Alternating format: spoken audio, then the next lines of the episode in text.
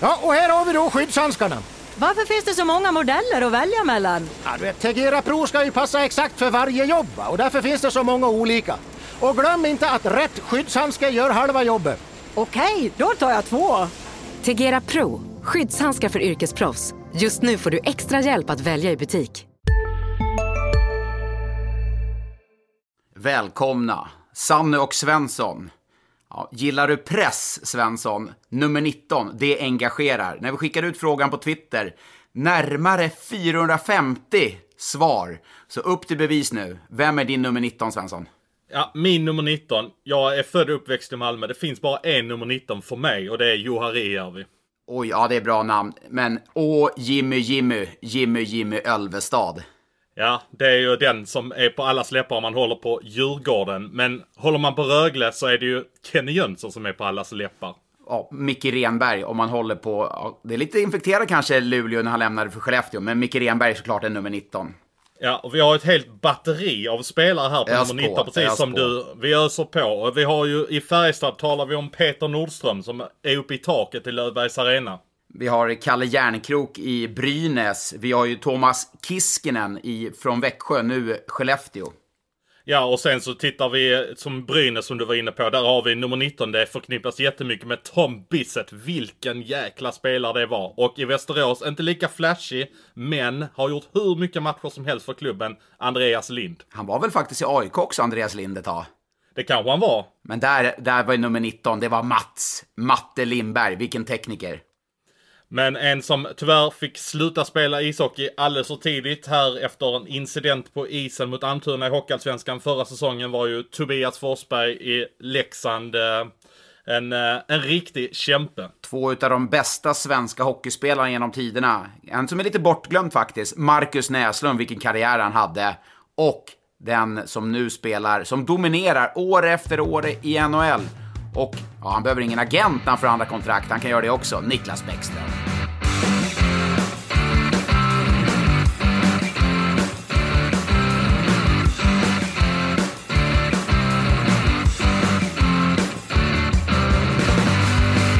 Ja, vilken hockeybomb, det får man ändå säga att det var igår kväll. Jag skulle precis lägga huvudet på kudden och då kom det en pushnotis. Lias Andersson till HV71. Vad säger vi?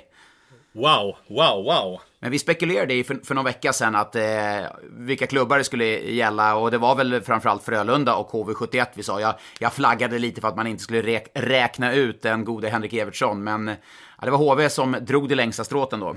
Ja men exakt. Det, på något sätt tycker jag att det känns rätt logiskt. Eh, är det någonting Lias behöver nu efter att ha haft lite strul här under hösten, han har inte mått helt hundra, så är det ju ändå att få lite trygghet här i Jönköping och HV71 där han har gått hockeygymnasiet, han har vänner, han vet hur klubben fungerar, han har eh, varit under Lillis och eh, Niklas Ram som tränare, fungerade superbra i slutspelet. Han har ju kanske spelat sin bästa hockey under det slutspelet. Så på så sätt är det ju ganska logiskt att han väljer att komma tillbaka till HV71. Men han är ändå en god gubbe om man säger så. Frölunda, det är... Ha...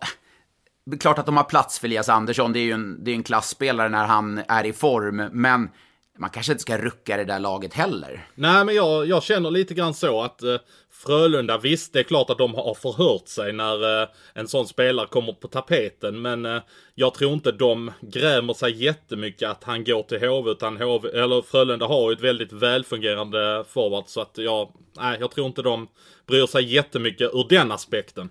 Nej, det, det vore ju nästan mardröm för dem om, om eh, Fredrik Pettersson helt plötsligt bara går ut och säger jag vill hem till Frölunda i år, eller Viktor Stålberg, jag vill hem till Frölunda i år. För det, oj, då måste man ju nästan ta hem dem. Och det blev väl lite ett sånt läge med Elias också. Inte att fansen krävde det, men det är klart att Frölunda var på, men jag menar, det, det finns egentligen ingen plats. Det, det är ett sånt fungerande system eller fungerande maskineri, så att jag tror man bara skulle rucka för mycket om man tog in honom. Men om vi tittar på HV71, var kan vi få in Lias i laget då? Ja, första kedjan. Alltså såklart. När, nu ska vi också ha respekt för att det kommer att ta tid. 10 matcher, 15 matcher. Vi har ingen aning hur lång tid det kommer ta för Elias och, och anpassa sig och komma in i spel. Han har, han har inte knappt tränat på, på duglig nivå här, så det är klart det kommer ta tid. Men han står för fart, och det saknar HV71. Han står för spelskicklighet och fart, alltså i ett paket. Och det, sak, det tycker jag HV har saknat. Och den här ungdomliga entusiasmen som jag som är helt borta från HV71. Det finns ingenting av det i forwardsmässigt. Eh, så att, eh, jag har sett två, två, båda deras matcher den gångna veckan och Linköping, då var det, ja, det var ingenting som stämde. Sen var de faktiskt bra mot eh, Rögle i lördag ska jag säga. Vem ska han spela med om vi sätter ihop honom med Filip Sandberg igen? Och vem ska vara den tredje Bumbibjörnen nu när Tedenby inte är där då? Oh, ja men, ja, men jag, alltså, ja, då får ju ingen Bumbibjörn där, men in med Simon Önerud där och, och bana väg. Nu har ju Filip Sandberg har ju inte kommit tillbaka efter den skadan som han hade i fjol. Han eh, var ju faktiskt uppsatt som trettonde forward i, i lördags. Men det är klart, skulle Elias kanske kunna få fart på en sån spelare. Men initialt så skulle jag kunna tänka mig att det är Linus Sandin och eh, Simon Önerud och Elias Andersson kanske. En, en kedja där, Sandin avslutare, Önerud likaså. Eh, och Elias kan liksom läsa av spelet och eh, driva upp tempot. Ja, de både breddar och spetsar där HV71 och det känns ganska nödvändigt att de gör det ja, den här spelartruppen, nu vet vi inte vad Lias kostar, man lånar honom, men alltså om, om man, jag satt och kollade lite, HVs spelartrupp, den, den är inte billig, det, det måste vara topp tre i SHL va, alltså lönemässigt. Ja, om du frågar sportchef Johan Hult så är det väl inte det, men det kvittar väl vilken sportchef man då, frågar så är det ju samma halvan. svar. Den är nedre, nedre halvan är klassiker, ja. ja, det tror jag inte, men det är klart att det är en dyr trupp. Och nu måste ju också, med det laget som HV har, så, alltså med den budgeten man har, så, så är det ju klart att nu är det semifinal. Man måste ta sig till semifinal faktiskt med det här laget. Men det, det kommer de väl inte göra. Det är väl inte realistiskt att HV71 ska trockla sig vidare till en semifinal som de har sett ut de senaste månaderna. Nej, det tycker inte jag heller, men då är det ju ett systemfel. Då är det någonting som inte stämmer. Alltså, eh, har man då, är spelarna man har värvat för dåliga? Eh, är det, är det, varför levererar de inte som de ska? Varför är powerplay så dåligt? Och där kommer vi in på, på Lias också. Han kan ju höja det, det powerplay-spelet som är en av ligans sämsta.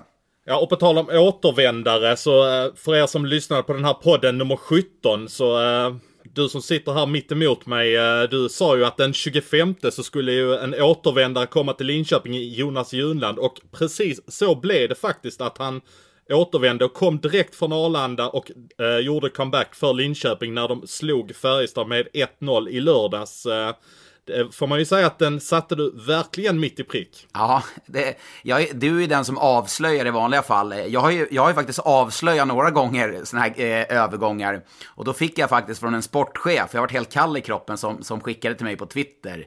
Ge fan och försök avslöja grejer. Fokusera på tacklingar och speltekniska saker istället.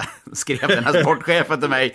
Var, nu, nu precis eller? Nej, nej, det här var något år sedan. När jag skulle liksom, jag hade hört någonting. Och det är inte, det, han hade ju helt rätt rätt. Jag ska inte börja skriva om övergångar och avslöja. Men i poddform kanske det funkar bättre. Men i text... Ja, exakt. Det har han inte sagt någonting om då. Nej, nej, exakt. Det här, det här pa, Niklas Pajen Persson, general manager, han kanske, han kanske inte lyssnar på podden i och för sig. Ja, det tror jag säkert han gör. Han är väl en flitig bilåkare säkert, precis som många andra sportchefer. Men om vi ska gå tillbaka till Junland. Vad kommer han betyda för Linköping? Nu såg jag att han parades ihop med Jonas Holös eh, direkt här i lördags och jag bara tänkte, här kommer det loggas istid. Och det, kommer, och det kommer det göra i fortsättningen också. Eh, det, det som man gör är att många andra backar kommer höja sig bakom Jonas Junland. Eh, jag upplevde faktiskt att det var så även när Sam Lovequist kom in. Det var en kort, kortvarig effekt i och för sig. Men att de, liksom, det kom in en ny spelare med, med energi, en back som man kunde liksom följa efter lite. Och Jonas, Jonas Junland kommer ju bli det över tid för Linköping. Då har du Junland och Holös i ett backpar. Jag tror Eddie Larsson, som också blev borttagen, kaptensbinden. Jag tror att han kan luta sig lite mot Julan. Han behöver inte göra allt på isen. Han ska tackla, han ska driva på laget, han ska gå först tycker kön, han ska gå sist tycker kön. Han ska göra allt i det där laget. Så att eh, du får in en ledare, det är jätteviktigt för dem. Om jag får säga en sak där med Eddie när han tappar eh, C på bröstet. Vad betyder det egentligen? För det är ju ändå en prestigesak att du tappar C på bröstet. Kan man vara så prestigelös som man säger? Ja men det kan vara rätt skönt eh, och det är klart att Junland ska ha C. Men eh, bara om vi, när jag kom till Färjestad 2009 eh, så var Rickard Wallin, han, han var kapten. Men han försvann ju till Toronto under sommaren. Då, då stod Färjestad utan kapten och jag fick det uppdraget. Hade Rickard Wallin kommit tillbaka under säsongen från Toronto och han hade kommit in i laget så hade jag varit, jag hade ju sagt till honom, du ska vara kapten. Det är ju självklart, det är hans lag. Eh, och lite samma sak är det med Junland, även om inte han varit kapten. Han har signat, vad är det, tre eller fyra år nu? Är det tre, fyra år till fy... efter detta. Ja, och då är det såklart att de ska bygga honom. Han kommer vara kapten. Så att, alltså, är det här totalt noll drama bakom, bakom det här. Utan jag tror att Eddie känner att självklart ska Julan vara kapten i det här laget. Men det är samma sak varje gång det är så som man byter kapten. För det sker ju ändå trots allt någon gång då och då. Och ibland är det ju lite mer dramatiskt än vad det är här. Nej, men skulle det vara som så att Eddie Larsson hade fått lämna över sig till Brock Little eller eh, till Jonas Holös, då hade det ju varit slap in the face, så är det ju. Då, då hade det ju, då hade ju tagit enormt mycket på Eddie, eller det hade tagit på mig om jag var kapten i Timrå, eh, och så hade man helt plötsligt under säsongen gett det till Rico Hall eller till Kalle Koskinen eller Robban Karlsson, då hade det ju varit ett ett slag under bältet på mig såklart. Eh, att, att det var dålig leverans eller att jag inte levde upp till förväntningarna. Nu såg jag att eh, de skulle sätta två stycken som assisterande kapten på hemmaplan och två stycken på bortaplan. Och Eddie ska få bära A på bortaplan. Alltså, äh, vad är det där då?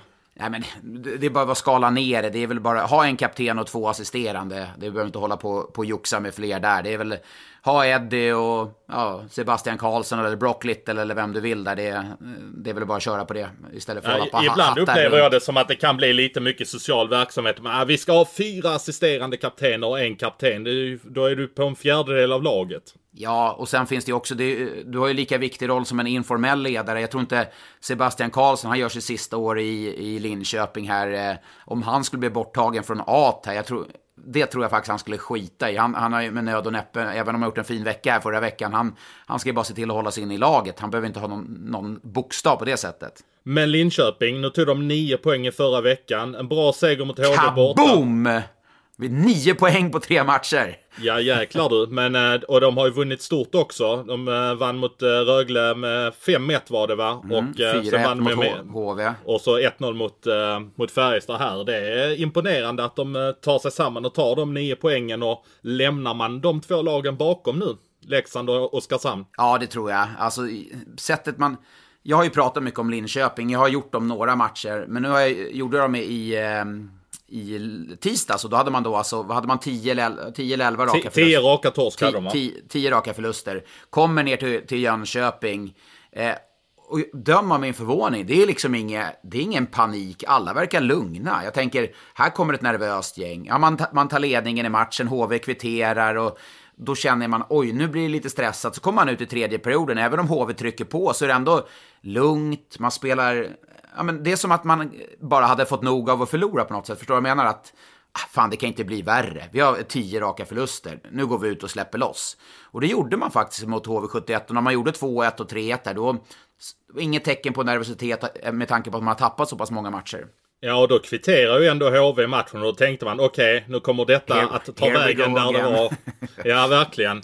Men det, så vi... såg det inte alls ut. Nej, och sen går man av och städar av ett Rögle med 5-1. Då ska man veta att Rögle matchen dessförinnan mot Skellefteå kanske svarade för sin bästa insats för hela säsongen. Alltså man var riktigt bra mot Skellefteå i tisdags. Och det är inget snack. Sen går man och... Visserligen ett trubbigt Färjestad, men man, man, man vinner med 1-0. Och ja, Jakob Johansson kommer in och står, Jonas Gustafsson gör två bra matcher. Så att, och så får du in Julan. Så att, eh, definitivt tror jag att man kommer lämna dem där bakom sig. Men du, får vi lov att kalla Jonas Gustafsson för monstret nu igen nu när han ja, får bra matcher? Såklart, men det var ju därför. Du ser ju, podden har ju en eh, påverkan på alla. Han, han tänkte, de kan, jag ska inte kallas för monstret längre. Nu måste jag vara ute och vara monsterbra den här veckan. Och det var han ju. Så att eh, ja. han, han, får vara monstret igen. Ja, vi får se vem eh, vi hittar på härnäst. Som, det är nästan så vi får förfrågningar som du har varit inne på tidigare. Ja, så är det ju. Men skulle man kunna säga att vi har indirekt så har vi väl ändå sagt att monstret suger, eller? För att vi har, vi har tagit bort monster från, har vi gjort det? Ja, men det kan man väl säga att vi har gjort. Men ska vi då stänga av den här podden de kommande två veckorna eller? Ja, vi fick ju för poddförbud över jul och nyår där. Det kanske var de där två veckorna som, som vi blev avstängda. Ja, det kan det ju vara ju. Ja, men vad säger du om att man ska bli avstängd för att man, man skriker du suger? Och eh, Marcus Nilsson då, Färjestadspelaren som, som blev avstängd för just det ordvalet mot domaren, domarna i den matchen, ska jag säga. Eh, han påstår ju själv att han skriker usel. Eh, jag, oavsett vilket så tycker jag inte att det är usel eller du suger. Jag tycker inte att det ska rättfärdiga en avstängning på två matcher. Nej men verkligen. Jag, jag såg faktiskt en rolig tweet som eh, Johan Ekberg på Värmlands Folkblad skrev här eh, Han har fått söndagskvällen. Han har fått vattenskalle. Men han, han, nej, men han skrev faktiskt Lillis de senaste säsongerna 16-17 0 utvisningsminuter 17-18 2 utvisningsminuter 18-19 2 utvisningsminuter och 19-20 så har han alltså omgång 1 till 33 4 utvisningsminuter och nu får han 25 utvisningsminuter. Och, det var, och då skrev han, det är tur att någon satte ner foten för att få tyst på en sån uppenbart notorisk gnällspik som alltid snackar till sig 10 minuter.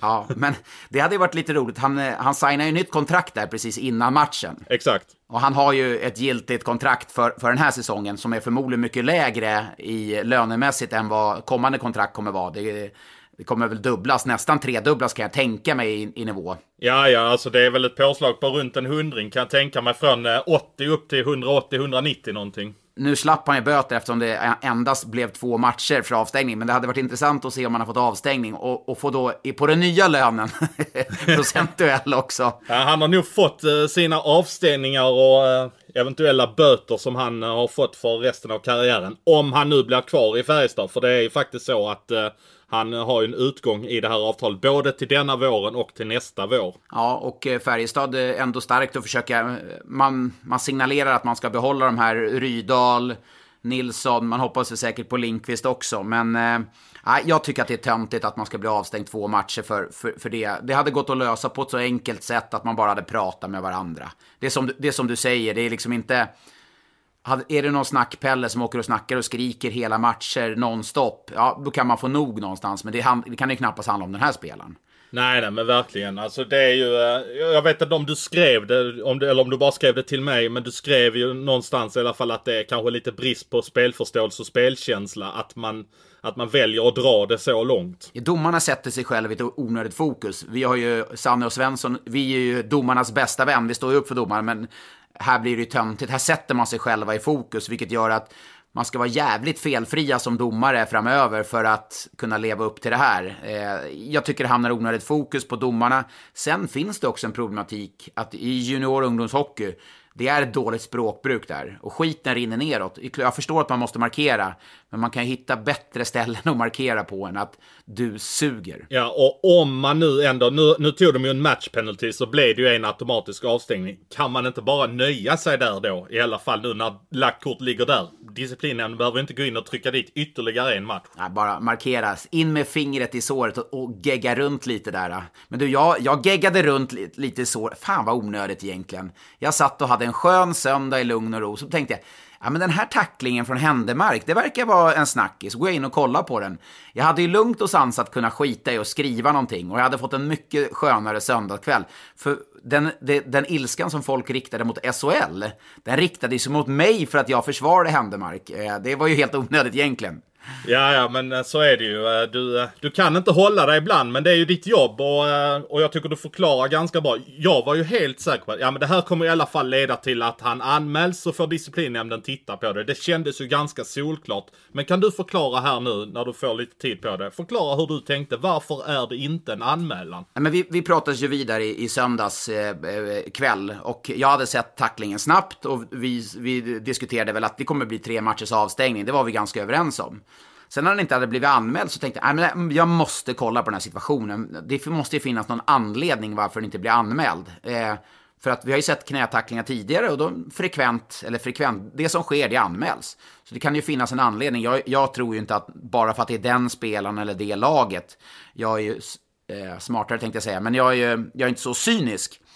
Det som, det som sker är ju, enligt min bedömning, det är en, det är en dåligt utförd tackling från Händemark. Det, det är han den första att erkänna. Men det som sker är ju att eh, han sträcker sig ut, han kommer fel in i situationen. Om han öppnar upp sig och lägger klubban på högersidan istället för att ha den på vänstersidan, då kommer han öppna upp sig med bröstet emot eh, eh, Viktor Ekbom, då kommer han aldrig sätta sig i den situationen. Det var någonting jag lärde mig eh, under min karriär i slutet framförallt, att öppna upp sig mer så kan man ta emot, ta ge tacklingen med bröstet. Men när han kommer in fel här och gör en riktningsförändring så sträcker han ju faktiskt ut knät, men han träffar foten. Och det är det som är bedömningen då. Och då har jag pratat runt med domare och lite spelare just om den här situationen bara för att skaffa mig en bild av varför, gör man in, varför anmäls man inte? Men då är det just av den anledningen att man, man kan, man, domarna kan bedöma det som en tripping helt enkelt. Och då är det inte av den grad att det ska ge ett matchstraff. Ja, men jag fick lite den känslan för att det är ju så att domarna har ju möjlighet att eh, på mediakuben kolla ett mål och de har möjlighet att kolla de så kallade stora straffen. Och när de valde att titta på mediakuben och inte ta någonting och sedan åka bort och förklara till Roger Rönnberg. Då fick jag känslan av att det här kanske skulle vara en två minutare av någon mm. anledning. Och då får de inte lov att ta den i efterhand. Nej, nej, eh, precis. Och min känsla var också, eller min uppfattning nu när jag sett den, det är att det är en solklar två minuters utvisning. Jag hade, hade de dömt en femma, fine. På isen, jag kan förstå att de gör den bedömningen. Men sen i efterhand så tycker jag fortfarande att det är rätt att inte, eh, att inte skickas vidare när man kollar på själva situationen. Sen är det såklart, är det en millimeter, två millimeter, en halv, några hundradelar så kan ju faktiskt eh, han klippa Ekboms hög, eller vänsterben blir det. Och då är det en helt annan situation. Men det gör han inte nu. Därför måste man se situationen för vad den faktiskt är. Eh, det som jag noterade efter matchen är ju att, uh, att alla tränare och de inblandade i situationen, det, det verkar som det har gått in någonstans det här med att de inte ska rikta någon ilska mot domare och mot SHL. För Rönnberg hänvisar bara till Torsbrink och sa att jag får inte säga någonting. Peter Andersson uh, försökte komma undan med att ah, men jag har inte kollat på det. Men han brukar kolla på allting i pauser ja, och så vidare. Händemark sa mitt jobb är att spela hockey. Ekbom sa förvisso lite mer, men det var ingen ilska mot ligan eller SHL. Det verkar någonstans som att någonting har gått in där, att vi ska inte göra detta. Nej, jag tror också att man eh, på något sätt...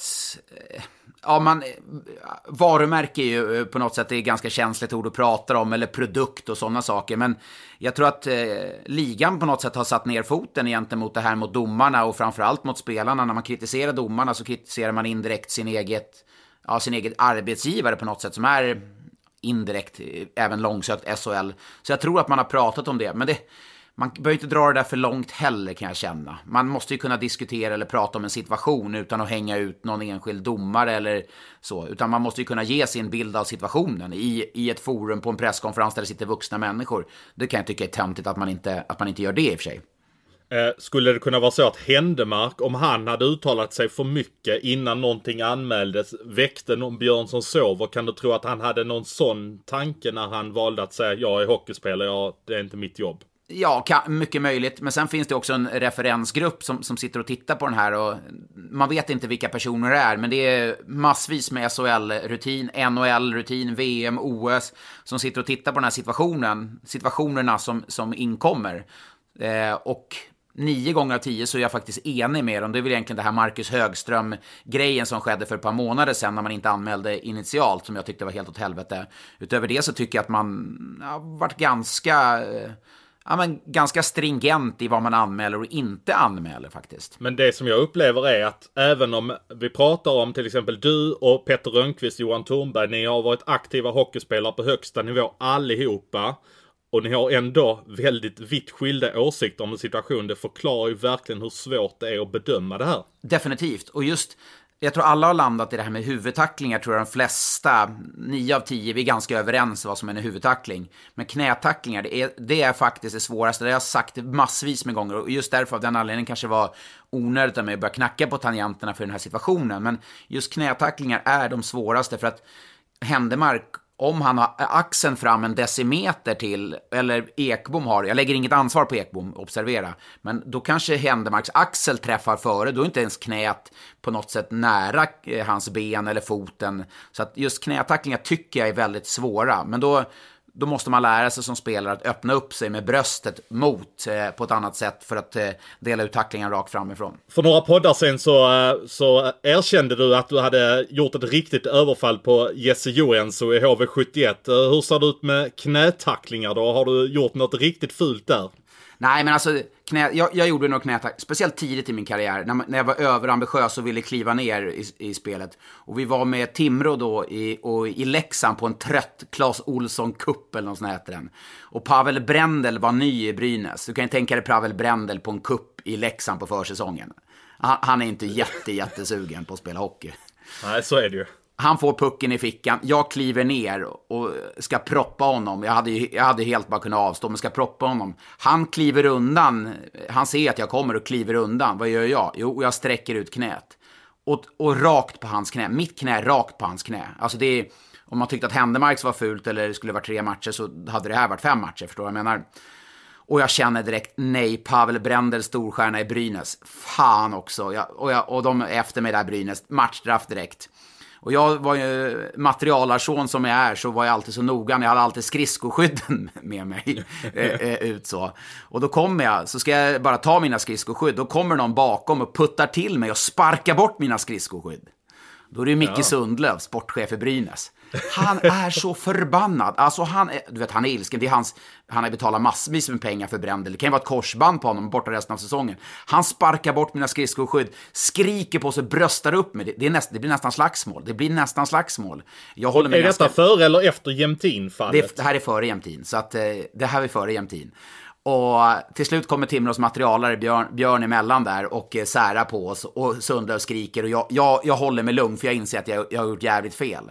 Men vi har skrattat gott åt det här i efterhand, jag och Sundlöv faktiskt. Så vi, jag tror att vi är kompisar eh, eh, efter det här. Men jäkla vad arg han var. Han, han skulle, hade inte materialen gått, jag tror, jag tror nästan han hade slagit till massa, han var så het. ja, då hade vi kanske inte fått eh, Sundlöv Jämtin, utan hade fått eh, Sundlöv Lindström-fallet ja. istället. Ja, men jag hade nog, hade han slagit till mig där så hade jag nog inte sagt någonting för jag skämdes rejält för den tacklingen. Så att jag ska inte säga att det var befogat, men jag, det hade nog blivit lugnare storm kring, eh, kring Lindström Sundlöv än det var Jämtin Sundlöv. Men två snabba frågor. Hur gick det för eh, Brändel och eh, fick du någonting för det? För det fanns ju inte tv-kameror som filmade kupper på den tiden väl? Nej, jag, eh, jag fick ingen, eh, ingen avstängning. Jag spelade dagen efter mot Mora i den här turneringen. Sen helgen efter så var det SCA-cupen, vilka härliga kupper det var. SCA-cupen uppe i Sundsvall. Och då, då kom ju Brynäs dit också. Och då sa Challe Berglund att du får inte spela den här matchen. Men jag måste ju spela. Nej, du kommer, inte, du kommer inte spela den här matchen för att de kommer åka och jaga dig hela matchen. Det är helt onödigt. Ja, ja, så då fick jag sitta där på läktaren. Det, då skämdes jag lite mer, för det var ju som att jag var, var liten, eh, vek ner mig och inte vågade stå upp riktigt. Men ja, det kanske var så lite, men det var Challe som sa att jag skulle vila i alla fall. kanske var smart. Hade de någon tuffing i Brynäs som kunde plockat dig då? Ja, det fanns många. Viding skulle plocka mig. Kärkenpää eller någon back där som var tuff också, hade nummer 18. Han skulle plocka mm. mig. Så att, och Borken i båset stod och skrek. Det, det var, ja, han var argare, inte argare än Sundlöv, men han var argare än Matadoren i alla fall. Men du, på tal om Brynäs, eh, är det så att vi har sett effekten försvinna lite grann för dem här nu? Det, det skedde ju naturligtvis en omedelbar effekt när Sundqvist eh, försvann från båset och de vann en massa matcher på raken här, men nu har de två raka torsk eh, har de eh, kommit tillbaka till vardagen lite eller? Ja, men lite så blir det. De fick, alltså, de fick en enorm boost och, och tajtade till defensiven. Åkte ner till Göteborg i torsdags och fick, ja, men släppte in åtta mål. Eh, eh tajtade till det jättemycket ska jag säga mot eh, Luleå. Det var en ganska, grund, ganska tråkig tillställning, chansfattig. Men det blir ju också så, när man vinner, du vet, man vinner fyra matcher, så nu har vi hugg på Växjö, nu är det dags, nu kliver vi förbi. Och så förlorar man en eller två matcher så är man tillbaka där i skiten. Det är det jag alltid har sagt, att det, det, glappet är för stort. Det, bli, det blir liksom li, li, eh, lite så. Nu har man ju en jätteviktig match, Brynäs, här mot Malmö. Och jag har väl sagt, jag har väl kanske sagt i den här podden att det är vinna eller försvinna för Brynäs tidigare, men det blir ju så. Det går ju ganska snabbt nedräkningen på antal matcher, så att eh, lite sanningen kom ikapp, lite givmilda i defensiven, framförallt mot eh, Frölunda i torsdags. Men defensiven eh, skulle ju kunna förstärkas här. Eh, Henrik Evertsson var ute på Växjös hemsida och sa att man skulle göra en förfrågan på Robert Rosén om det är så att Sochi skulle bränna slutspel i KL. Och i samma klubb så spelar ju en annan Brynäs-spelare, före detta Brynäs-spelare, Simon Bertilsson. Och där får jag höra lite signaler om att Brynäs kommer att göra en förfrågan på honom om det är så att Sochi eh, missar slutspel. Och det är ju ganska givet att man kommer att göra en sån förfrågan på honom då. Eh, vad skulle han betyda om han kommer in? Eh, och jag vet att de kommer att göra en förfrågan. Jättemycket såklart. Eh, enormt mycket skulle han betyda med, med, sin rutin, lugn, självförtroende, pondus, eh, just den defensiva stabiliteten. Det är klart att eh, en Simon Bertilsson, eh, precis som Jonas Junland, skulle göra jätte, jättestor skillnad för Brynäs. Nu har han varit ute, det är ett år va? Mm. Ja, det här är första säsongen i KL, så det är frågan vad han själv känner utifall han vill vända hem redan efter ett år eller fortsätta äventyret utomlands. Nej men precis, det är väl lite grann det som talar emot. Eh, om man tittar på Växjö, om de skulle göra en förfrågan på Robert Rosén så är han lite äldre och har varit ute i två säsonger och eh, han kanske ändå ska vända hem nästa säsong så det kanske blir ett lite annorlunda läge. Men det skadar ju inte att ställa en fråga och det kommer Brynäs som sagt att göra. En sak som jag gått och tänkt ganska mycket på här eh, de senaste dagarna, senaste veckorna. Tränarsituationen i SHL, den är ju onekligen, tycker jag, intressant. Peter Andersson har aviserat att han ska inte vara kvar i Malmö. Brynäs söker nytt. Eh, du nämnde här, eller skrev i veckan, att det var Martin Felander som skulle till Oskarshamn. Eh, det har ryktats om Joakim Fagervall till Malmö. Södertälje eventuellt måste söka en tränare. Du har Vilke... Skellefteå, du har Skellefteå också. Skellefteå, Leksand, Roger Melin där. Eh, vad händer med honom efter? Hej, Synoptik här. Visste du att solens UV-strålar kan vara skadliga och åldra dina ögon i förtid? Kom in till oss så hjälper vi dig att hitta rätt solglasögon som skyddar dina ögon. Välkommen till Synoptik. På Sveriges största jackpot-kasino går hypermiljonen på högvarv. Från Malmö i söder till Kiruna i norr har hypermiljonen genererat över 130 miljoner exklusivt till våra spelare. Välkommen in till Sveriges största jackpot-kasino, hyper.com. 18 plus, regler och villkor gäller säsongen, eller kanske till och med under säsongen. Så det, det, är liksom det är hål som ska fyllas på många tränarposter.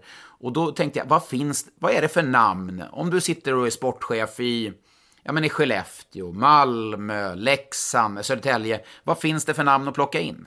Nej, det, det, blir lite problematiskt om man inte ska gå runt på de så kallade gamla trötta namnen som har varit runt tidigare. Jag känner inte riktigt att det är de här unga namnen som ploppar upp. Jag känner inte att vi har en ny Robert Olsson och Roger Rönnberg, Sam Hallam, att det ploppar upp lite sådana ganska givna kandidater underifrån som, som är redo. Jag tycker kanske en sån som Thomas Pannanen i Västerås kan vara det på sikt, men han, eh, jag tror han har aviserat rätt hårt att han ska köra med Västerås och har förlängt och så vidare. Han vill vara med på en resa han påbörjar ända från Hockeyettan med dem till exempel. Men tror du inte nu, om man bara zoomar ut lite, nästa år då så, så krävs det ju inom situationstecken bara att man vinner en hockeyallsvensk, eh, ett hockeyallsvenskt slutspel för att ta steget upp i SHL. Är ja, men det, lite... tror, det tror jag det gör lite attraktivt för en sån som till exempel Thomas Pannanen eller Björn Hellkvist om han inte nu går upp den här säsongen. Ja, och... eller Fagervall för den delen. Att man, liksom, mm. man kan något sätt bli en hjälte i en stad genom att ta upp ett lag. Eh, jag tror att det gör att hockeyallsvenska tränare kan tänka sig att stanna en säsong, kanske två säsonger längre än vad, vad kanske tidigare man tänkte. Ja, men det, det köper jag fullt ut att det, att det nog lutar åt det. Eh, därför gör det kanske situationen lite problematisk för SHL-lagen att hitta någonting nytt fräscht som kommer underifrån. Men jag, jag, tänker på till exempel sådana namn som eh, Per Johansson som eh, var assisterande i Frölunda. Johan Lundskog är ju nere i Davos och kör nu. Han har varit assisterande bakom Roger och är assisterande i Davos som har gjort en avsevärd uppryckning här under denna säsongen. Skulle han kunna vara någonting som kliver in inför nästa säsong någonstans? Ja, eh, Viktor Stråle, eh, hur är han för ung? Måste han ha mer rutin i Frölunda eller Hockeyallsvenskan? Ja, men det, det, tror jag. Det tror jag att eh, Stråle behöver nog ett par år gå bakom Roger och, eh, och köra. Men jag tror definitivt att han är en huvudtränare på sikt i SHL. Men det, det, känns ju som att namnen du nämner, de är ett par, tre år bort från att komma in. Men samtidigt så måste du in tränare i, eh, i SHL för att, eh, jag menar, Roger Melin, det här är ju sista säsongen han gör som tränare. Det har väl han aviserat lite själv också. Det, mm. det känns ju ganska givet. Eh, Tommy Samuelssons vara eller inte vara i Skellefteå känns väl egentligen 50-50. Skulle han kunna vara en tränare som åker ner till Malmö eller vill Malmö hitta något, inom situationstecken, nytt och fräscht? Och vad är nytt och fräscht? Nej men precis, det blir lite så. Eh, jag, jag vet ju att de diskuterar med Jocke Fagervall 2016 när de istället tog Peter. Då, då får man väl ändå anse att Peter var väl ganska nytt och fräscht. Han hade aldrig varit huvudtränare i SHL. Nu har han gjort fyra säsonger och det kanske är läge att hitta någonting annat. Jag tror Malmö i en optimal värld, kör vidare med Peter Andersson. Men det känns lite grann som att han tittar utomlands, att, att han är lite sugen på det. Han är, han är inte jätteung, han är ändå 55 och kanske vill köra ett gäng år i utlandet. Det är fullt naturligt. Men om, lek med tanken att Peter inte skulle få någonting i utlandet då? Han, han har ju ett respekterat namn, det, det tvivlar jag inte på. Men om han inte får någonting i utlandet, är det Malmö, är han kvar i Malmö eller kan, kan han skulle kunna tänka, tänkas gå till till exempel Brynäs för den delen? Eller är du med vad jag menar? Ja, ja, alltså jag, men jag tror ändå inte det för att Peter, någonstans här under uh, åren i Malmö nu så det, det är de här, det här problemet som de har haft under uh, de här åren med Konstantin Komarek, Emil Molin, eh, Andy Mealy, de här lirarna som inte riktigt har lyckats. att han kanske står för något brunkigare trots att han nog inte gör det egentligen. Att det har blivit någon ond spiral på den fronten för honom. Men han tog ju ändå Örebro upp i SHL med en Conny Strömberg som inte, inte är en direkt brunkare. Så det, alltså, det kanske också är en del av systemet i Malmö som inte bara ska ja, tillskrivas Peter. Nej men exakt, jag, jag, tror också det. Jag tror Peter i grund och botten är en sån tränare som trivs med den typen av spelare. Han älskade säkert att jobba med Retrack Channy och Andy Mealy egentligen, men laget var så begränsat i övrigt att, eh, att det kanske inte fungerade att spela på det sättet.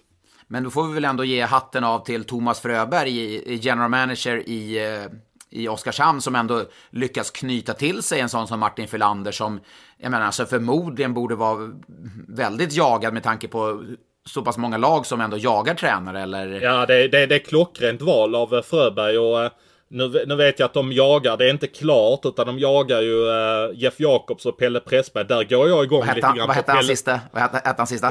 Pelle Pressberg. Så uh, Vad hette den spikern i Karlstad som uh, sa det? Bo, Bosse Same. Ja, hur sa han Sanne Lindström då? Ah, jag var aldrig med på line-upen så jag minns inte. Eh, nej, men eh, om vi går tillbaka till, till Pelle där. Eh, han har väl varit någon, eller är någon form av individuell ungdomstränare i Färjestad. Han skulle kunna ta någon form av Mattsson-roll i Oskarshamn om han bestämmer sig för att ta det jobbet. Ja, du tänker Jesper Mattsson i, i Malmö där, lite powerplay och, mm. och så. Och jag vet ju att eh, Pelle jobbar ju mycket med, med spelarna, juniorer och även A-lagsspelare. Om du pratar med en sån som Micke Lindqvist eh, som går skadad nu, men innan det var skyttekung i SHL. Han har ju jobbat med Pelle Pressberg jättemycket. Rasmus Asplund och och Joel Eriksson Ek och, som, som öser beröm över honom. Så att det kan, alltså jag måste säga att det är pikt ändå, Thomas Fröberg. Jag tycker han har gjort ett jäkla intåg, bra sådant i... Eh, i Oskarshamn. Ja, och nu han, eh, han är liksom medveten om situationen som är och håller inte på att värva in en massa ointresserade utlänningar som kanske inte är så sugna på att spela ett kval, utan han det känns som att han tar in spelare som eh, är beredda. Rickard Palmberg tror jag han vet vart kval går ut, men nu förlorar han förvisso med Timrå, men gjorde bra ifrån sig här i våras. Jag tror att han bygger helt rätt för att de ska klara av en sån situation. Ja, men eh, om vi då zoomar, zoomar ut och tittar på Hockeyallsvenskan. Det är ju, det är, vi har väl slagit fast att det blir Björklöven mot Modo och, i, i en Hockeyallsvensk final. Eh, och eh, vad, eh, förlorande laget, vad de ställs emot. Eh, har du, du lyfte ett varningens finger ganska tidigt för Södertälje som du liksom fick nästan eh, försvara där ett tag sedan också.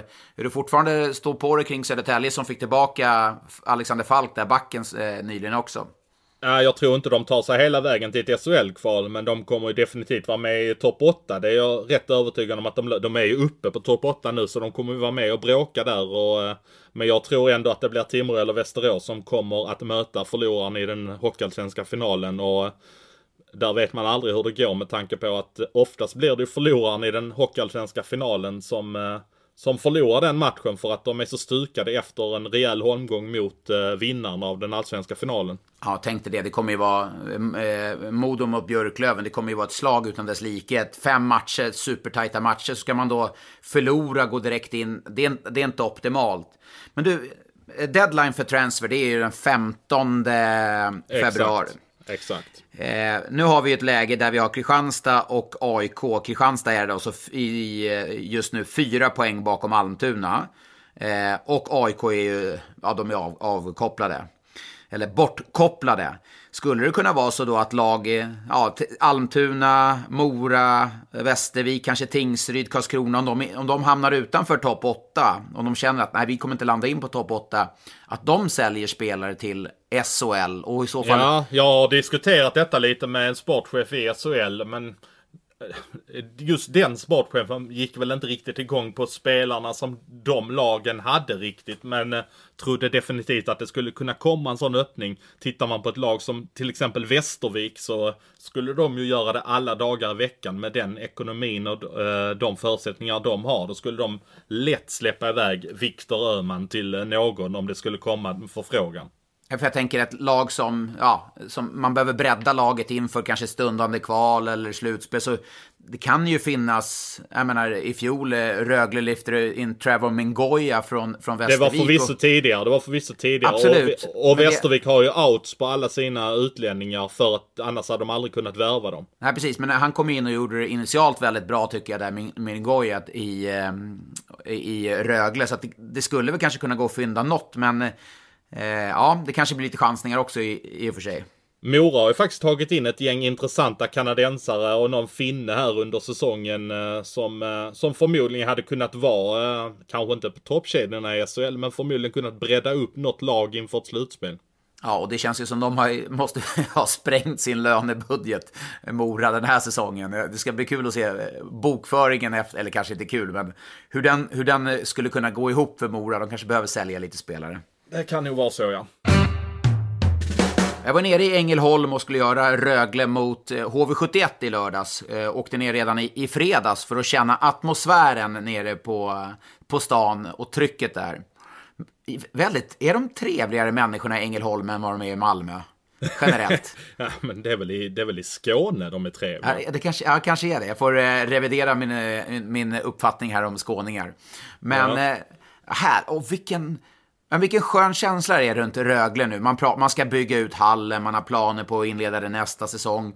Bygga ut och skaffa en tredje isyta, mer restaurang, loger, sådana saker. Det känns som en klubb som andas ja, det känns framtiden. Och vi slog ju fast det där tidigt här att Rögle, det, de är givna i topp 6. Men nu, nu känns det som att, ja, inte riktigt så snabbt va?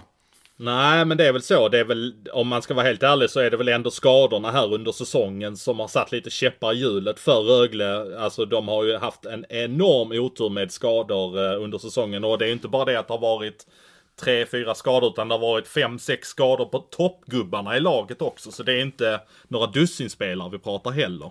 Men nu har man ändå en utmaning för att eh, i lördags så hade man i stort sett hela laget tillbaka. Nick Sörensen borta. Han kommer nog var borta ett längre tag med, med, med, sin skada. Och Niklas Hansson, backen, duktiga backen, han kommer snart tillbaka. Eh, men när man har de här spelarna, det känns som att då kuggar det inte riktigt i lika mycket. Sjögren var tillbaka nu, Jellina var tillbaka. Man gör ingen bra match, varken mot Linköping, men när de här spelarna var tillbaka mot HV71 så gör man en ganska stundtals ganska dålig match, känns man åker och väntar på varandra lite. Det som är intressant när det gäller Rögle är om man tittar tillbaka de två senaste säsongerna. Så tittar man tillbaka på den första månaden som laget har gjort i, eh, på respektive säsong. Om man tittar tillbaka förra säsongen började de ju jättedåligt och fick rädda upp säsongen med de poängen man samlade in under resten av säsongen. Men den här säsongen så börjar man ju jättebra, hade skaffat sig ett superslagläge. Då är det nästan så att den första månaden har räddat för att man ska kunna slåss om topp 6 den här säsongen. Ja, det är det ju. Så är det ju. Speciellt nu när Djurgården har eh, satt rejäl fart. Det känns ju som att Djurgården bara... Ja, de blir att räkna med med tanke på hur de har spelat på slutet. Och då börjar du kolla då topp 6. Luleå garanterat. Örebro, ja, det är ju, de vinner ju sina matcher. Frölunda garanterat. Färjestad, ja absolut topp 6. Djurgården, topp 6 garanterat. Sen har du Rögle där. Du har Skellefteå kommer bakom nu. HV71 får in Lias Andersson. Vad, vad ger det för utväxling? Så att man ligger ändå i ett gränsland nu om man faktiskt ska ta sig hela vägen in i topp 6. Ja men så blir det ju. Men eh, om man nu kuggar i med alla spelare tillbaka eh, och man får ut den kapaciteten som finns så ska det väl ändå vara ett lag som är topp 6 med Det tycker på jag. det. Absolut. Ja, men jag, jag känner att de som är topp 6 nu, det, det är... eh, Där eh, Skellefteå, de- de är lite för ojämna. Ett tag där kändes de som att de bara vann och vann och vann. Eh, Nu har man ja, förlorat bland annat mot Oskarshamn. All respekt till Oskarshamn som gjorde en jättebra match. Eh, vände och vann. Där Fredrik Pettersson Wenzel, ja, var fick han den formen ifrån? Han var ju lysande i den matchen. Grym, vilken Ja. match han gör. Ja, och det var ju en gruvlig revansch för den matchen han gjorde två dagar tidigare när de mötte Malmö och förlorade med 1-5 hemma i uh, Oskarshamn. Och då ifrågasatte ju fansen honom något enormt och Håkan Åhlund, varför gjorde du det målvaktsvalet? Och så fortsätter han på PV matchen efter och så får han visa att han hade rätt där då. Ja, verkligen. Nej, men, eh, PV var grym i den matchen, men eh, då känns det ändå som det blir de topp 6. Men jag måste ändå bara landa in lite på Rögle där. Eh, eh vi pratade, jag pratade om skador, då fick man ytterligare en skada i form av Samuel Jonsson. En helt jävla onödig skada. Jag stod och kommenterade och jag blev så förbannad bara. Det är en, alltså en icingpuck. Det man har gjort om den här icing-regeln i år. När det är liksom mer en duell, en kamp, så ska man fria icingen. Det blev en duell mellan Samuel Jonsson och Joakim Andersson, varav Joakim Andersson tacklar snett bakifrån. Eh, Samuel Jonsson dundrar huvudet rakt in i sargen. Men blås av! Alltså det, nu är det, det här är alltså ett svensk, de har gjort om reglerna. Det är alltså domarna är tillsagda att döma på det här sättet. Och HV-ledarna som då, jag stod i mellanbåsen och kommenterade. HV-ledarna, de var inte förbannade på att, att Joakim Andersson fick matchstraff. De är bara förbannade på den här jävla regeln. Och Erik Martinsson som stod bredvid mig då i båset, han bara... Alla förstod att det skulle hända den här jävla skadan. Det, man pratar om spelarnas säkerhet, så gör en icing-regeln som är helt tvärt emot spelarnas säkerhet. Det, ju, det där måste du bara ändra omedelbums. Ja, men det har ju varit lite problem med den här lite från och till under säsongen med icingen. Att det blir lite farliga situationer. Så att, eh, men du tycker att den ska ändras på studs? Alltså Ja, bara in och ändra, bara röra om i det direkt? Ja, ja men herregud, det- alltså det, är- det är för alla säkerhet. Jag menar, tänk dig det i ett slutspel när det är en olycklig situation att, eh, ja, eh, bara en toppback, Brandon Gormley, går ner och hämtar pucken borta med hjärnskakning nästan av slutspelet. Jag menar, det, vad är det värsta som kan hända? Jo, det är att tekningen flyttas ner i egen zon. Det blir en icing. Det, det tar man väl alla dagar i veckan för en skada. Och nu vart det oturligt med Samuel Jonsson, men när jag pratar runt med både domare, med spelare och tränare, så, så alla har pratat om den här icing-regeln tidigare på säsongen. Och nu fick vi ett, ett exempel på det. Nu har vi liksom... Det här måste spela facket SIK och vi måste ta tag i det. Det handlar om spelarnas säkerhet. Jag var riktigt arg på det faktiskt. Och det var ju... Eh, Cam Abbott var inte speciellt arg på själva situationen som jag uppfattar utan mer på regeln i sig. Härligt att du får rasa loss lite här. Ja, vi måste ju skaffa rubriker. Rasa. Nej, men de, de var fan arga. Och jag, jag, jag var arg på det också. Jag tycker en ung Samuel Jonsson, jättefin talang. Jag menar, kostar en hjärnskakning. Jag menar, du har inte så många hjärnskakningar att spela med under en hel karriär. Och då drar man på sig det helt, helt i onödan.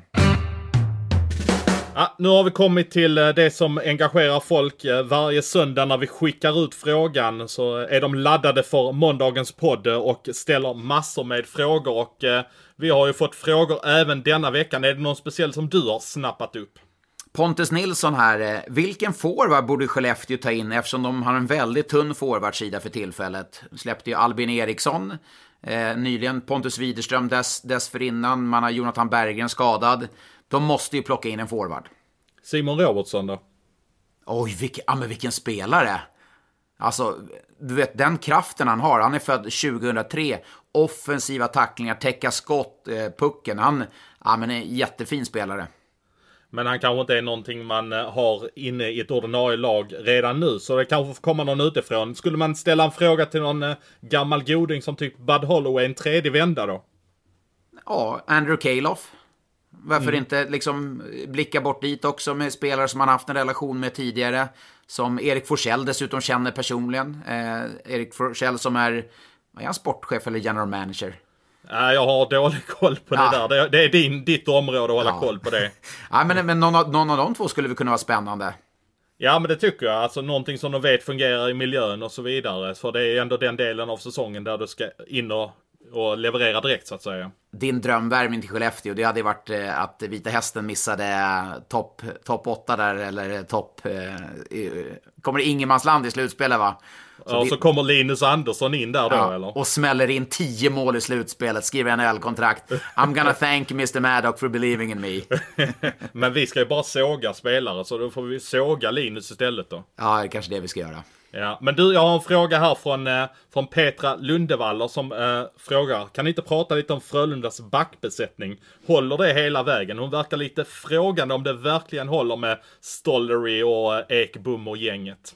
Det, jag, jag har sagt det ganska tidigt att jag trodde nog att man skulle kanske behöva få in en back eh, över säsongen. Men Gormley, är, är han skadefri så är han en jättebra back. Moverare lika så.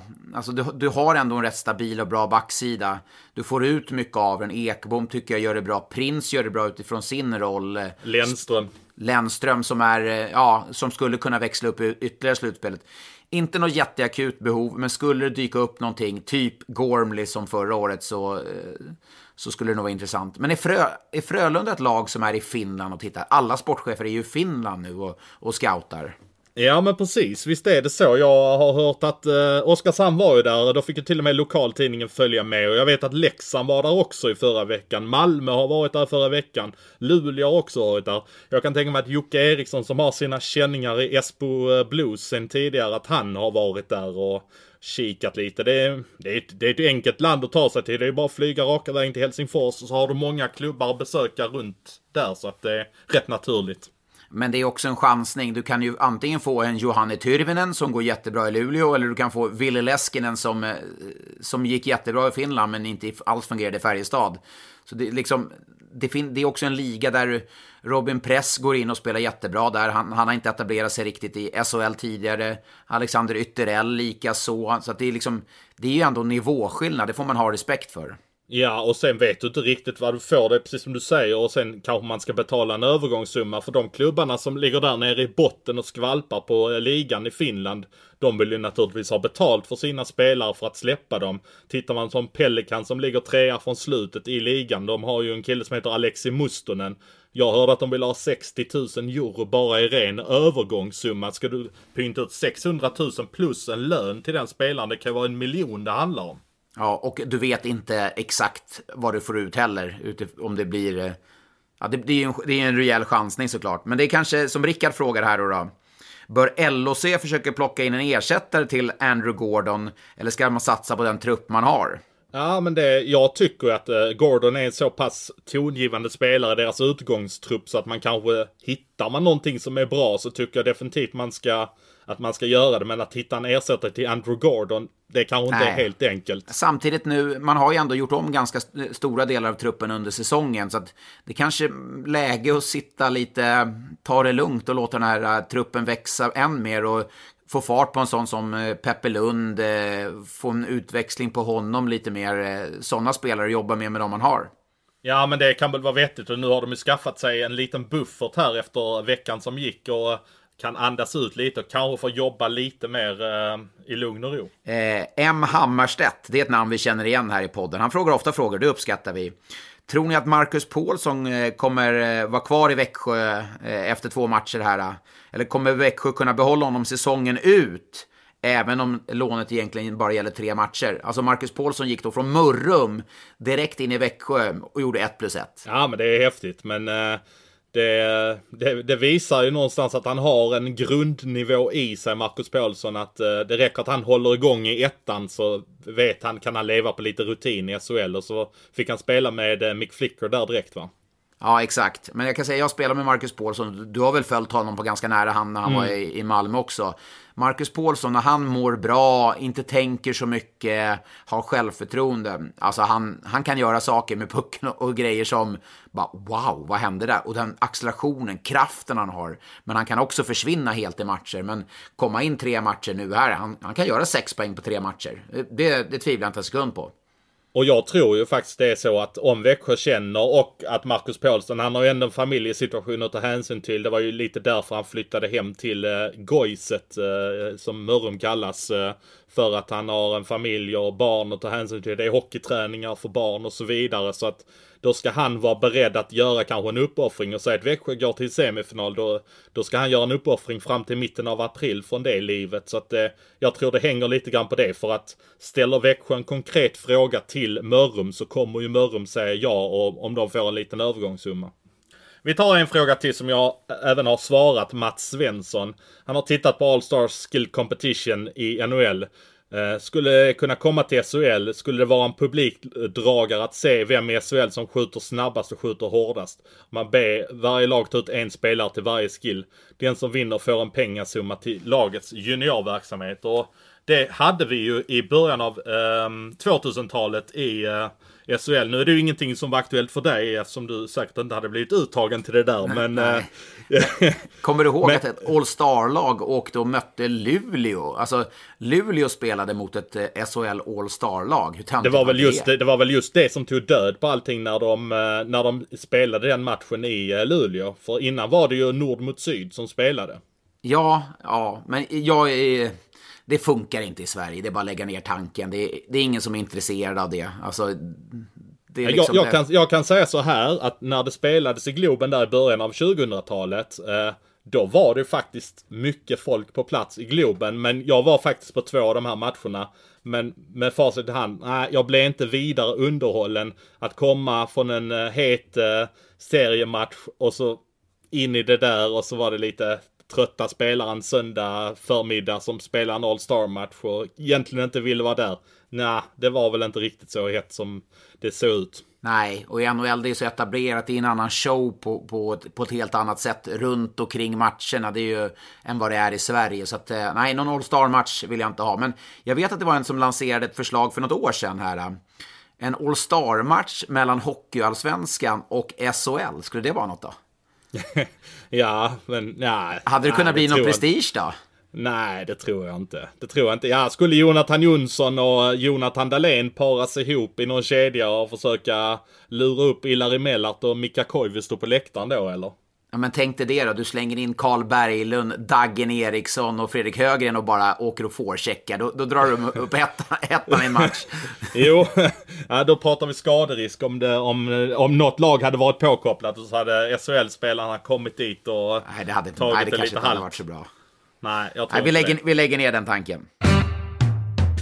Då har vi kommit till momentet där jag fick äran att ta ledningen i förra veckan med en eh, trepoängare in på kontot. Och, uh, nu ska du få chansen att, ja, kanske kvittera, reducera eller, nej jag tror inte du går om mig. Jag hoppas inte du går om mig. Men jag leder med tre poäng så att nu ska du få chansen att göra vad du kan för att ta ikapp mig. Så vi börjar väl med en fempoängare här på spelaren jag söker. Är du mm. beredd? Alltid redo. Jajamän, då kör vi. 2014 draftades han som nummer 196 i draften. Det har blivit spel i två JVM och ett U18-VM. Den här säsongen är han tillbaka i SHL. 2014, jag är bra på draftår vet du. Jag är riktigt bra på draftår. 2014. Jajamän. Då är vi alltså 2019 nu. Det är alltså 90... Jag vill, jag vill ta... Jag är bra, som fan på draft. Det var, det var, bra att du sa det för framtiden om du nu skulle eh, råka snubbla över en fempoängare här då. Det måste alltså vara en Han är 95 Han är 95 Han är tillbaka i SHL den här säsongen. Ja du. Ja, nej. Ge mig en fyra. Du vill ha fyran? Då kör ja. vi fyran. Jag, jag, jag, har en, jag, jag har en här på femman. Ja, nej, jag, vi... jag vågar inte chansa. Kör fyran. Vi kör fyran. Pappa är ledare i en SHL-klubb. Men, papp, men, pappas klubb fick nobben i våras när klubbvalet inför den här säsongen skulle göras. Det har blivit 16 poäng för denna 23-åriga svenska forward i år. Jag har ett svar. Ja, det är jag härligt. Hade den. Ser du där? Eh, jajamän, jag ser vad du har svarat. Draft, du, sätt mig aldrig, om du, ska, om du ska köra med mig, sätt mig inte på ett draftår ska jag säga. Fortsätt. Ja, de, de kommer på tvåorna och ettorna i fortsättningen ja. då. Det var bra att du sa det. då kör vi på tre poäng för de som eh, inte vet vem vi pratar om. Jag kan avslöja att eh, du vet vem vi pratar mm. om. Han var en av många återvändare inför säsongen. Klubben han nu spelar för är dock första året han spelar för. Här hänger hela sex nummer i taket. Samtliga av dem har också blivit mästare. Men denna veckans spelare har aldrig blivit svensk mästare trots stark prestation i slutspelet. Ja, allt, han är bra i slutspel den här killen. Ja, på två poäng. Ja, jag trodde du skulle ta det här med en axelryckning. Centern jag pratar om är en av HV71 centra denna säsongen. Inledningen var svag, sedan var han riktigt stark, men nu har det gått lite tyngre igen. Och på en poäng. Med nummer 25 på ryggen så är denna Axel en av eh, HV71s eh, centrar. Och kan, nu blir han då lagkamrat med Lias Andersson. Vem är det vi pratar om som du har tagit på fyra poäng? Axel Holmström, det är Urban Wickberg heter pappan va? Som är, Jajamän, han, är, han är ledare i, i, i Luleå ja. Ja, är han eh, J20 eller är han någon eh, bollplank? Jag tror han är någon eh, ungdom, någonting 18 eller 16 tränare eller någon ungdoms, någon junioransvarig. Jag vet inte riktigt vad han gör där. Nej, precis. Nej, men Axel Holmström satt jag där på... Jag var inne på det på femman, men jag vågade inte riktigt chansa. Men nej, draft, jag är faktiskt bra på... Eller bra, det, kan, det är ett svaghetstecken. Jag, jag kollar sjukt mycket på draft. Det, det, det är bland det roligaste jag vet att göra. Gå in och kolla en draft och så ser du spelare. Oj, han var draftad i sjunde rundan och har gjort si och så många poäng. Jag älskar att sitta och kolla sånt. Vilket, eh, vilken blev Henrik Zetterberg tagen som? Han är sjunde rundan blev han, men vi kommer inte ihåg vilket nummer det var. Men han var i sjunde rundan, Z. Ja, han var också långt ner i Ja. Detroit. Han är, Ja, väl, precis. Han är väl den som har gått bäst av många spelare som har blivit tagna långt ner i draften. Man. De tog Jari Tolsa, tror jag, i andra rundan, den Detroit, det året. Och Zetterberg i sjunde rundan. Så att det... Ja, de eh, fick bra utdelning på Zetterberg. Och Jari Tolsa var förresten missade, vi, 19. missade vi honom som nummer 19 där, Jari Tolsa? Ja, vi avslutar med Jari Tolsa. Ja, men det blir ju en strålande avslutning. Men du har eh, tagit ledningen mot mig med eh, 17-16. Så nu är det dags för mig att dunka in något riktigt högt nästa vecka. Ja, med den eh, lilla kraftmätningen får man säga ändå. Fyra poäng på Axel Holmström. En spelare vi gillar ändå, måste vi säga. Som har, tycker Ja, jag... absolut. Alltså han har gjort det jättebra här efter att ha haft en trög inledning. Nu har det gått lite tyngre på slutet. Det har väl kanske kommit någon dipp. Men han har ju visat att han verkligen har någonting i sig. Vet du varför han spelar bra?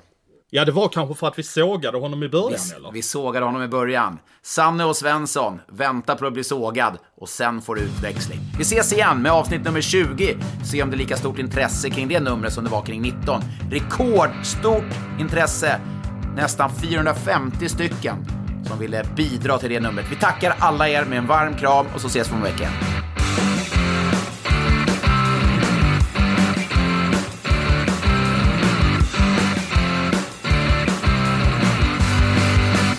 Du har lyssnat på en podcast från Expressen. Ansvarig utgivare är Klas Granström. Just nu pågår vår stora season sale med fantastiska priser på möbler och inredning. Passa på att fynda till hemmets alla rum, inne som ute, senast den 6 maj. Gör dig redo för sommar. Välkommen till Mio. Upptäck hyllade XPeng G9 och P7 hos Bilia. Våra produktspecialister hjälper dig att hitta rätt modell för just dig. Boka din provkörning på bilia.se xpeng redan idag. Välkommen till Bilia, din specialist på XPeng.